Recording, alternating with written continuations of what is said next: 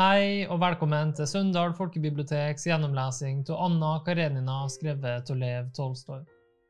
Vi leser nå bind 2, tredje del, kapittel 16. I alle værelsene i sommervillaen tråkket det gårdskarer, gartnere og tjenere og bar ut. Skaper og kommoder ble åpnet. To ganger hadde de løpt ned i butikken efter hyssing, på gulvet flommet det av avispapir. To kister, noen vadsekker og sammenbundne pledd var blitt båret ned i forhallen. Kareten og to drosjer sto foran inngangen. Anna hadde glemt sin indre uro under pakkingen, og sto nå foran bordet inne på kabinettet sitt og pakket reisevesken, da Anushka gjorde henne oppmerksom på larmen av en vogn som kjørte frem. Anna kikket ut gjennom vinduet og fikk se Aleksej Aleksandrovitsj kurer stå på trappen og ringe på inngangsdøren. Gå for rede på hva det gjelder, sa hun, og satte seg i lenestolen med hendene foldet over knærne, rolig forberedt på alt. Tjeneren brakte en tykk pakke med Aleksej Aleksandrovitsjs egenhendige påskrift. Kureren har ordre om å bringe svar tilbake, sa han. Godt, sa hun, og så snart tjeneren var gått, åpnet hun brevet med skjelvende fingre. En bunt utbrettede pengesedler i gjenklebet omslag falt ut. Hun fisket frem brevet og ga seg til å lese det igjennom. Jeg har gjort forberedelser til flytningen, jeg tillegger oppfyllelsen av min bønn betydning, leste hun. Hun skyndte seg videre, så tilbake, ble ferdig og leste så hele brevet om igjen fra begynnelsen av. Da det var gjort, følte hun med ett at hun frøs, og at en langt frykteligere katastrofe enn hun hadde ventet, var styrtet inn over henne. Om morgenen hadde hun angret det hun hadde sagt til mannen, og bare ønsket at de ordene på en eller annen måte kunne være usagt.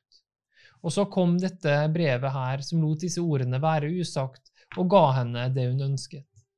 Men nå syntes hun dette brevet var frykteligere enn alt annet hun kunne forestille seg. Rett, rett, sa hun. Han har naturligvis bestandig rett. Han er en kristen, han er høymodig. Jo, han er et nedrig, sleipt menneske, og det er aldri noen foruten meg som har forstått eller vil forstå, og jeg vil ikke kunne gjøre folk det begripelig. De sier for en religiøs, moralsk, hederlig og forstandig mann, men de ser ikke hva jeg har sett. De vet ikke hvordan han i åtte år har forsøkt å kvele alt liv i meg, alt som var levende, at han ikke så mye som en eneste gang har tenkt på at jeg var en levende kvinne som trengte kjærlighet. De vet ikke hvordan han ved hvert skritt har krenket meg, vel tilfreds med seg selv. Har jeg kanskje ikke forsøkt, forsøkt av alle krefter å gjøre fyllest for meg? Har jeg kanskje ikke bestrebet meg på å elske ham, elske sønnen vår da det ikke lenger var mulig å elske min mann? Men den tiden er forbi. Jeg forstår nå at jeg ikke kan føre meg selv bak lyset lenger, at jeg er levende, at jeg er uskyldig, at Gud har skapt meg slik at jeg må elske og leve. Og hva så? Om han drepte meg, drepte ham, jeg ville lide alt, tilgi alt, men nei, han… Hvordan kunne jeg unngå å gjette hva han ville gjøre? Han vil handle i overensstemmelse med sin nedrige karakter. Han vil få rett, og meg, arme, vil han støte enda lenger ned. De kan selv forestille dem hva som venter dem og deres sønn, husket hun fra brevet hans. Det er en trussel om at han vil ta gutten fra meg, og det er sikkert mulig efter de dumme lovene deres. Men vet jeg kanskje ikke hvorfor han sier dette? Han tror ikke engang at jeg er glad i gutten, eller så forakter han. Han har jo også bestandig bare hatt spott til overs. Forakter han denne følelsen hos meg? Men han vet at jeg ikke vil forlate gutten, ikke kan forlate ham. Han vet at uten gutten kan det ikke være noe liv for meg, selv ikke sammen med ham jeg elsker. Han vet at om jeg forlater gutten og reiser fra ham selv, vil jeg oppføre meg som det aller mest skamløse og nedrige fruentimmer. Se, det vet han, og han vet også at jeg ikke vil være i stand til å gjøre det. Vårt liv må gå som før, husket hun fra en annen setning i brevet. Dette livet ble pinefullt altfor lenge siden, og den siste tiden var det grusomt. Og hvordan vil det bli nå? Han vet nok alt dette, vet at jeg ikke kan angre at jeg ånder, at jeg elsker. Han vet at det ikke vil komme annet enn løgn og bedrag ut av det hele, men han må fortsette å pine meg. Jeg kjenner ham og vet at han trives som fisken i vannet oppe i all løgn. Men nei, jeg vil ikke gi ham den nytelsen, jeg vil rive i filler det nettet av løgn han vil spinne meg inn i, så får det gå som det vil. alt er bedre enn løgn og bedrag. Men hvordan, Herre min Gud, Herre min Gud, har det noen gang funnes noen så ulykkelig kvinne som jeg? Nei, jeg skal rive det, rive det i filler, skrek hun mens hun sprang opp og forsøkte å stagge tårene. Så gikk hun bort til skrivebordet for å skrive et nytt brev til ham, men innerst inne følte hun at hun ikke ville ha krefter til å rive i filler noe som helst, ikke krefter til å bryte ut av sin gamle stilling, hvor falsk og vanærende den enn var. Hun satte seg til skrivebordet, men istedenfor å begynne å skrive, la hun hodet i armene på bordet og brast i gråt, hulket og rystet i hele brystet som et barn. Hun gråt over at drømmen hennes om en oppklaring og fastleggelse av situasjonen var ødelagt for alltid. Hun visste allerede nå i forveien at alt sammen ville bli ved det gamle, ja, til og med verre enn før. Hun følte at den posisjonen i sosieteten hun innehadde, og som i morges hadde synes så verdiløs, allikevel var dyrebar for henne, og at hun ikke ville greie å bytte den med en vanærende stilling som en kvinne der har forlatt mann og barn for å leve sammen med sin elsker, at hvor mye hun enn anstrengte seg, ville hun aldri få annen styrke enn den hun selv eide. Hun ville aldri få oppleve kjærlighetens befrielse, men bestandig forbli en forbrytersk hustru som med fare for hvert øyeblikk å bli avslørt bedro sin mann ved å stå i et nedverdigende forhold til en fremmed og uavhengig mann hun ikke ville kunne forene sitt liv med.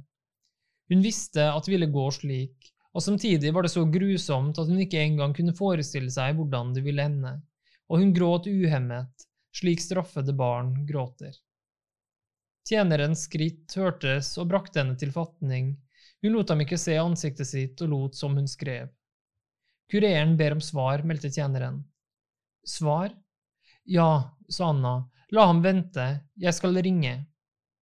Hva kan jeg skrive, tenkte hun, hvilken avgjørelse kan jeg ta alene, hva vet jeg, hva ønsker jeg, hva elsker jeg?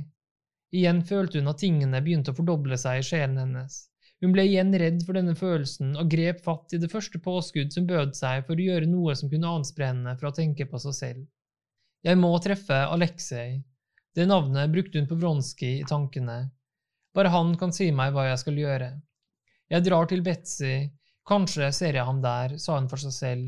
Hun hadde rent glemt at hun alt kvelden i forveien hadde sagt ham at hun ikke skulle til fyrstinne Tverskaja, og at han da hadde sagt at han derfor heller ikke kom. Hun gikk bort til bordet og skrev til mannen. Jeg har fått deres brev A. Så ringte hun på tjeneren og ga ham brevet. Vi reiser ikke, sa hun til Anushka, som var kommet inn. Ikke i det hele tatt? Jo, vi venter med å pakke ut til i morgen og holder vognen klar. Jeg drar til fyrstinnen. Hvilken kjole skal jeg gjøre i stand?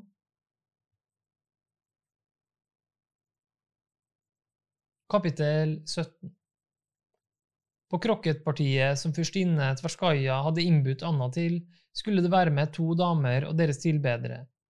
Disse to damene var de viktigste representantene for den nye, utvalgte Petersburg-krets, som gikk under navn av Le Sept Merveille du Monde, en efterapning efter nok en efterapning. Disse damene tilhørte en av de høyeste sirkler, sant nok, men det var en sirkel som var ytterst uvennlig stemt mot den krets hvor Anna ferdedes. Dessuten var den gamle Stremov, Lisa Merkalovas tilbeder og en av dem som betydde noe i Petersburg, Aleksej Aleksandrovitsj, fiende i tjenesten.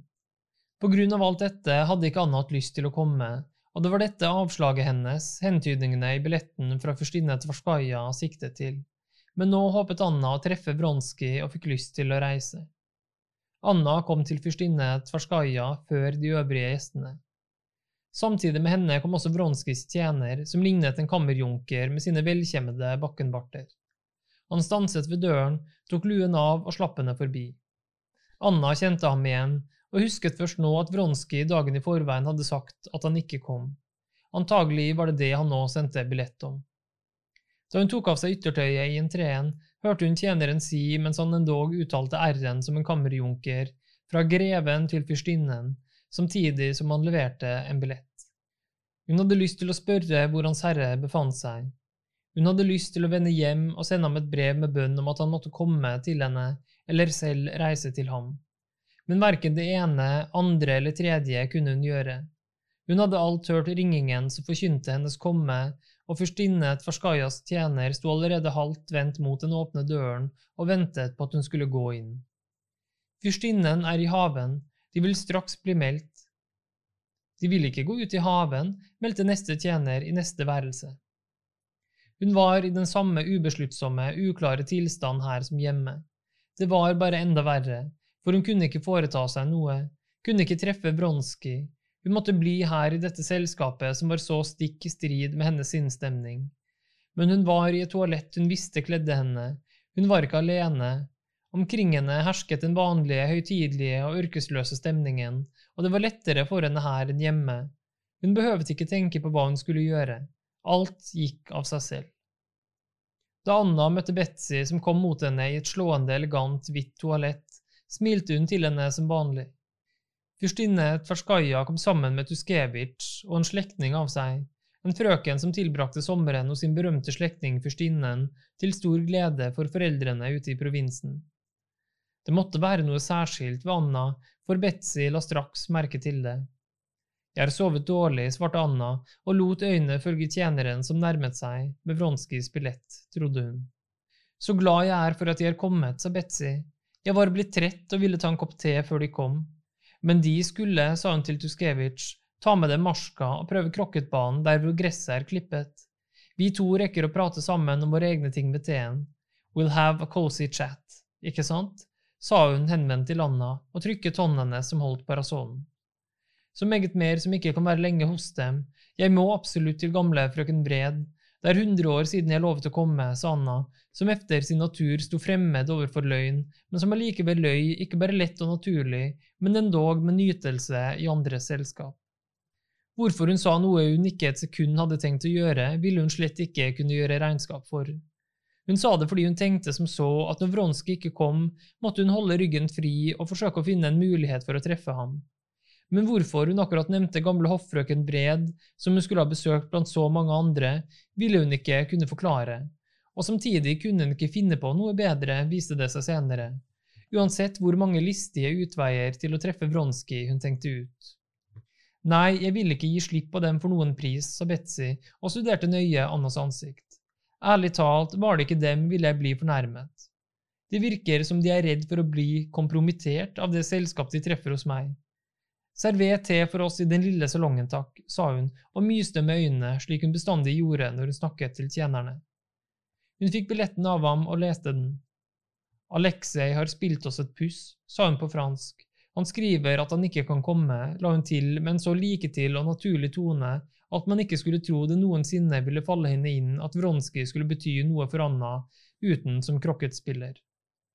Anna visste at Betzy visste alt, men når hun hørte hvordan hun snakket om Ronski i hennes nærvær, ble hun alltid for et øyeblikk sikker på at hun intet visste. Å, sa Anna likegyldig, som om dette ikke interesserte henne synderlig, og fortsatte med et smil. Hvordan kan deres selskap kompromittere noen? Denne leken med ord, denne tildekningen av hemmeligheter virket svært forlokkende på Anna som på alle kvinner, og det var ikke nødvendigheten av å tildekke, ikke målet med tildekningen, men selve det å dekke til som var så lokkende. Jeg kan ikke være mer katolsk enn paven, sa hun. Stremov og Lisa Merkalova, det er la crème de la crème. Dessuten blir de mottatt overalt, og jeg, hun la særlig trykk på jeg, har aldri vært streng og utålsom. Jeg har ganske enkelt ikke tid til å bli. Nei, kanskje det er Stremov de helst ikke vil treffe. La bare ham og Aleksej Aleksandrovitsj bryte lanser i komiteen, det er ikke vår sak men han er det mest elskverdige selskapsmennesket jeg kjenner, og en lidenskapelig krokketspiller. De kan selv se, og selv om han, gamle mann, står i en komisk stilling som Lisas tilbeder, er det synet verdt å se hvordan han forsøker å komme seg ut av sin latterlige stilling. Han er virkelig søt. Sappo Soltz kjenner det ikke. Hun har en ny, en helt ny tone. Alt dette sa Betzy, og samtidig følte Anna på det muntre, kloke blikket hennes at hun delvis forsto hennes stilling og forsøkte å finne på noe. De var i hennes lille kabinett. Men jeg må skrive til Alexei, og så satte Betzy seg til bordet, skrev noen linjer og la det i en konvolutt. Jeg skriver at han må komme til middagen, ellers vil en dame bli uten bordkavaler. Se, har jeg skrevet innstendig nok? Unnskyld meg, jeg må forlate dem et øyeblikk, kanskje de vil forsegle brevet og sende det, sa hun i døren, jeg har noe jeg må ordne. Uten et øyeblikks betenkning satte Anna seg til bordet med Betsys brev, og uten å lese det skrev hun nederst. Jeg må absolutt treffe dem.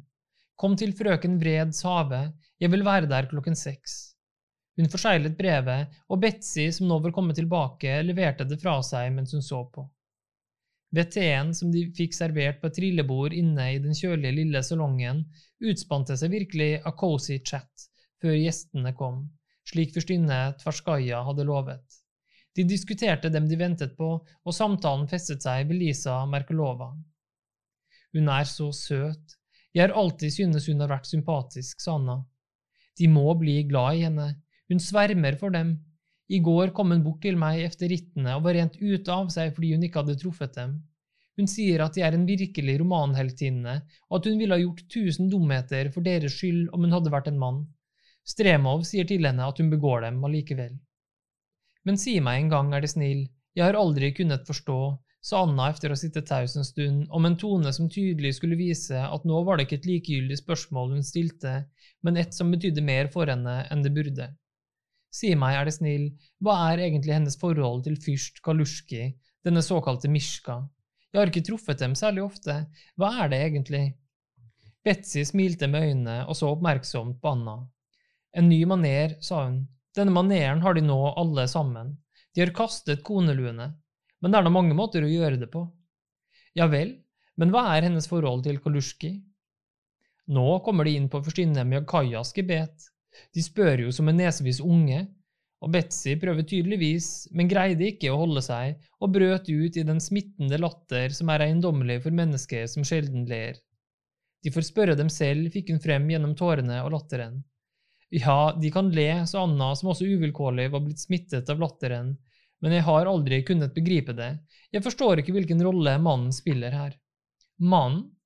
Lisa Merkelovas mann kommer alltid efter henne med pleddet og står bestandig til tjeneste. Men hva det egentlig er, er det ingen som ønsker å vite.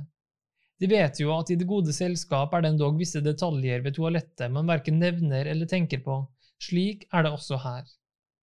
De kommer kanskje på festen hos Rolandaki, spurte Anna for å lede samtalen inn på andre veier.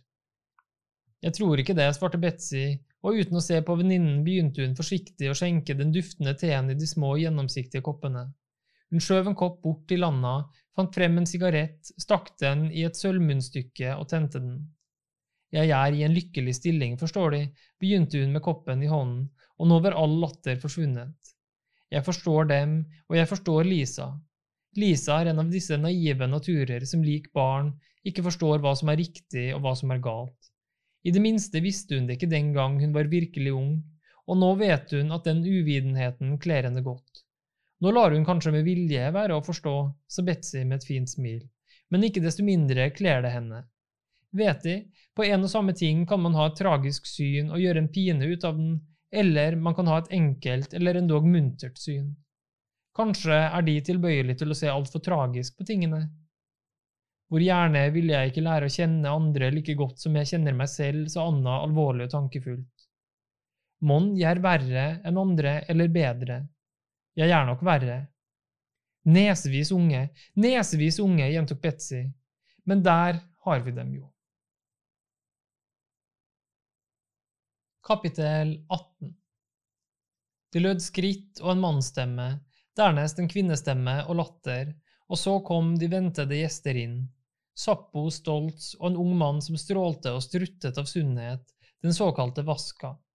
Det var tydelig at han ikke forgjeves var blitt fòret med rått oksekjøtt, trøfler og burgundervin.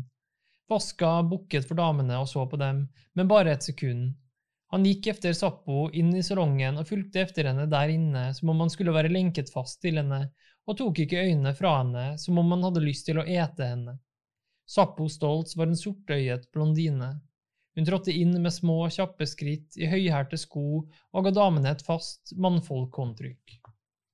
Anna hadde ennå aldri truffet denne nye celebriteten og var slått av hennes skjønnhet, hennes outrerte toalett og hennes dristige oppførsel. Av eget og andres mattgylne hår var det satt opp et slikt stillas av en frisyre på hodet hennes at dette kunne måle seg i størrelse med den spenstig, hvelvede og svært utringede bysten. Og hun skjøv seg så sterkt frem at ved hver bevegelse avtegnet formene av kneet og den øverste delen av benet seg under kjolen, så man måtte spørre seg selv hvor på baksiden av dette oppstyltede og vaklende berget hennes virkelige, lille, spenstige legeme endte, så blottet oventil og så godt skjult bakentil og nedentil.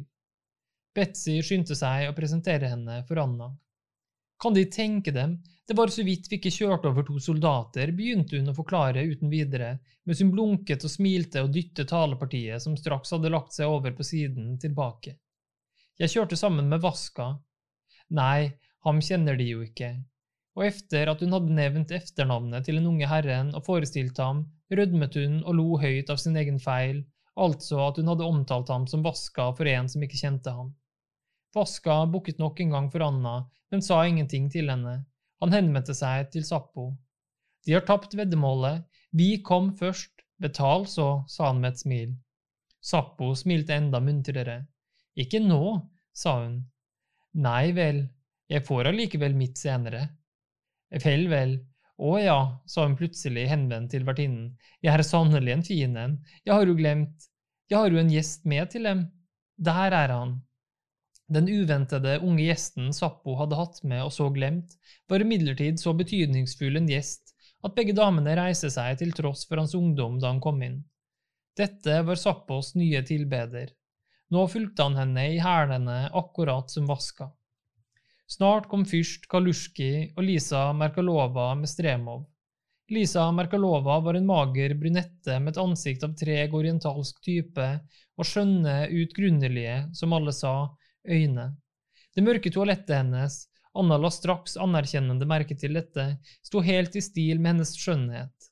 I samme grad som Sappo var stram og strunk, var Lisa myk og avslappet. Men Lisa var efter Annas smak langt mer inntagende. Betzy hadde fortalt Anna at hun brukte en påtatt tone og ga seg ut for et uvitende barn, men da Anna fikk se henne, følte hun at dette ikke stemte. Hun var nettopp en uvitende og bortskjemt, men samtidig søt og blid kvinne.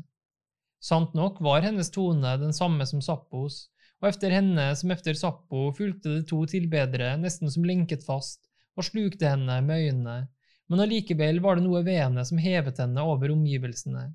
Ved henne var det en glans av diamant, av det reneste vann mellom glasskår. Denne glansen strålte frem fra hennes skjønne, virkelig utgrunnelige øyne. Det trette og samtidig lidenskapelige blikket fra disse øynene, omgitt av sorte ringer, slo en ved sin fullkomne oppriktighet. Enhver som så inn i disse øynene, syntes han kjente hele henne, og kjente han henne først, kunne han ikke annet enn holde av henne. Da han fikk se Anna, lyste hele ansiktet hennes med ett opp i et gledesstrålende smil. Å, så glad jeg er for å treffe dem, sa hun og kom bort til henne. På veddeløpene i går skulle jeg akkurat gå bort til dem, men så reiste de. Det var forferdelig, ikke sant? sa hun og så på Anna med dette blikket som så ut til å blottlegge hele skjeen. Ja, jeg hadde ikke trodd det skulle bli så nervepirrende, sa Anna og rødmet. Nå reiste selskapet seg for å gå ut i haven. Jeg går ikke, sa Lisa og satte seg smilende ved siden av Anna. Skal ikke de heller gå ut? Hva glede kan man ha av å spille krokket? Jo, jeg liker å spille krokket, sa Anna. Men hør, hva gjør de for ikke å kjede dem? Bare man ser på dem, blir man lys til sinns.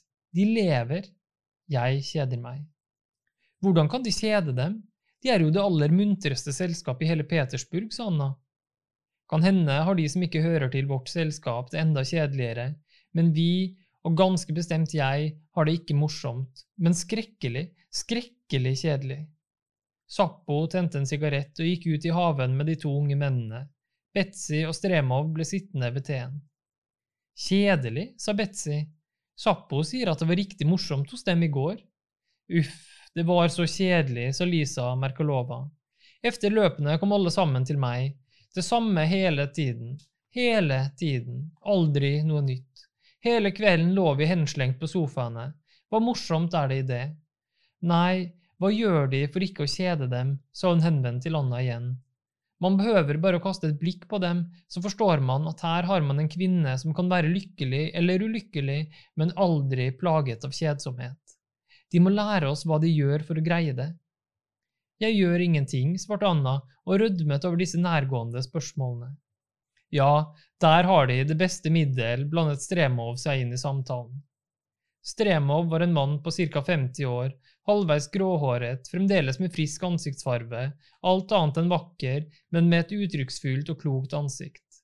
Lisa Merkalova var en niese av hans kone, og han tilbrakte alle sine ledige stunder sammen med henne.